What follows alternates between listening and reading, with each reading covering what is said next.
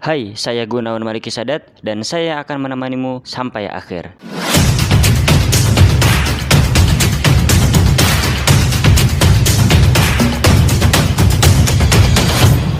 Oke, apa kabar? Semoga untuk kamu yang lagi dengerin podcast episode kali ini diberikan kesehatan serta semangat yang luar biasa untuk menjalankan aktivitas sehari-hari. Kali ini aku membahas topik yang emang umum ya, topik yang biasa udah dimengerti banyak orang, namun aku akan menekankan lagi dengan pendapatku pribadi. Karena di konten Instagram aku sering banget ngobrolin atau ngebahas topik goals, goals, goals. Gimana caranya kamu bisa menentukan goals dan kalau misalnya kamu mau disiplin kamu harus menentukan goals. Dan itu benar ternyata, itu benar-benar ampuh kalau kita nggak punya tujuan atau impian yang jelas dan kita belum tahu opsi-opsinya bagaimana untuk mencapai tujuan itu, kita akan terlantar. Kita nggak punya fokus hal-hal apa aja yang memang harus kita lakukan. Hal-hal apa aja yang harus kita tinggalkan. Maka dari itu, aku mau membahas bagaimana sih? Aku mau membahas kenapa sih kita harus memiliki goals atau tujuan hidup. Oke, langsung aja yang pertama biar gak gampang males-malesan.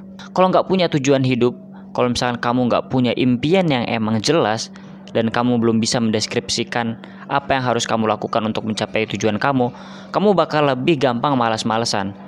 Aku nggak bilang orang yang punya goals atau orang yang punya tujuan dan impian itu nggak akan malas-malesan. Tapi kalau misalkan orang yang udah punya tujuan, udah punya goals, dia seenggaknya bisa meminimalisir kemalasannya itu dibanding orang yang cuma ngejalanin hidup tanpa ada arah dan tujuan. Oke, jadi yang pertama, kamu memiliki tujuan itu bisa menghilangkan atau mengurangi rasa malas kamu. Yang kedua, kamu akan lebih terlihat bergerak di pandangan orang lain. Bergerak di sini bukan hanya sekedar bergerak, bukan hanya sekedar melakukan kewajiban aja seperti sekolah, kemudian mengerjakan tugas, tapi kamu akan memiliki inovasi-inovasi untuk bisa membuat sesuatu atau melakukan sesuatu di luar sekolah, di luar perkuliahan untuk mencapai tujuan kamu. Dan itulah kamu akan bisa dilihat orang bergerak dan tentunya orang bisa terinspirasi karena pergerakan kamu. Ya seperti episode yang aku jelasin di sebelum episode ini di episode ke-58 sebenarnya eh ke episode 57 aku nggak bilang bahwa salah satu kunci untuk menginspirasi orang itu nggak harus sukses dulu. Tapi kita bisa menginspirasi orang agar bisa sama-sama sukses gitu ya. Kemudian yang ketiga kenapa kita harus memiliki goals? Adalah karena kita akan bisa memiliki pencapaian.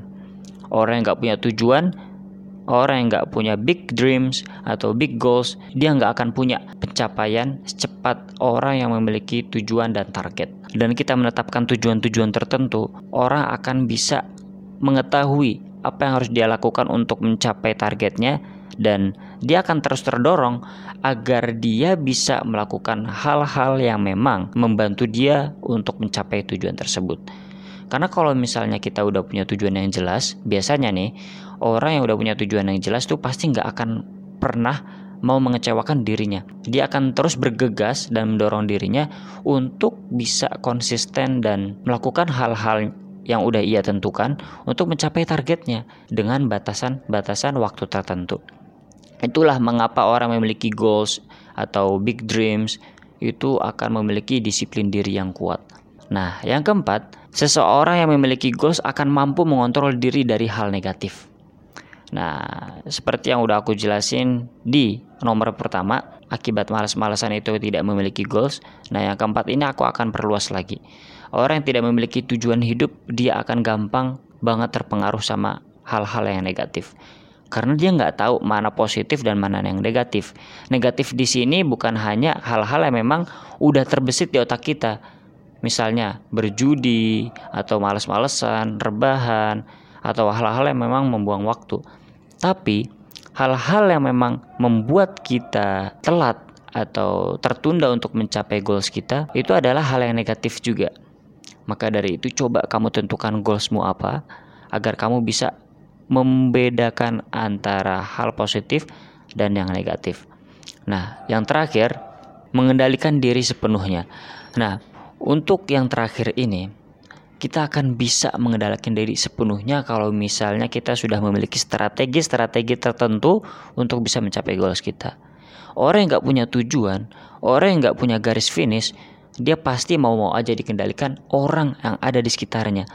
Karena dia tidak memiliki prioritas yang emang harus dia lakukan. Dia anggap semua pekerjaan yang ada di depan dia adalah penting. Makanya dia sering linglung, dia masih bingung mana pekerjaan prioritas mana yang enggak dan dia masih memukul sama rata semua pekerjaan untuk dikerjakan di waktu yang sama atau dia justru tertekan karena banyak pekerjaan. Ya, yang aku dengar dan aku pelajari orang sibuk itu karena dia nggak punya prioritas. Kalau dia udah punya prioritas, dia nggak akan sibuk-sibuk banget dan dia terlihat tenang begitu ya. Aku cuma menja mau menjabarkan lima poin ini kenapa kamu harus memiliki goals, kenapa harus kamu memiliki tujuan hidup biar kamu terbuka otaknya, terbuka pikiran kamu agar kamu cepat-cepat menulis tujuan hidup kamu beserta opsi-opsinya di buku atau di kertas. Dan untuk kamu yang belum tahu, aku nyediain worksheet agar kamu bisa memiliki tujuan hidup yang jelas dan dengan worksheet-worksheet itu kamu bisa meningkatkan disiplin diri yang kuat kamu bisa klik link di bio Instagram aku @gmsadat. Terima kasih, semoga bermanfaat. Salam semangat.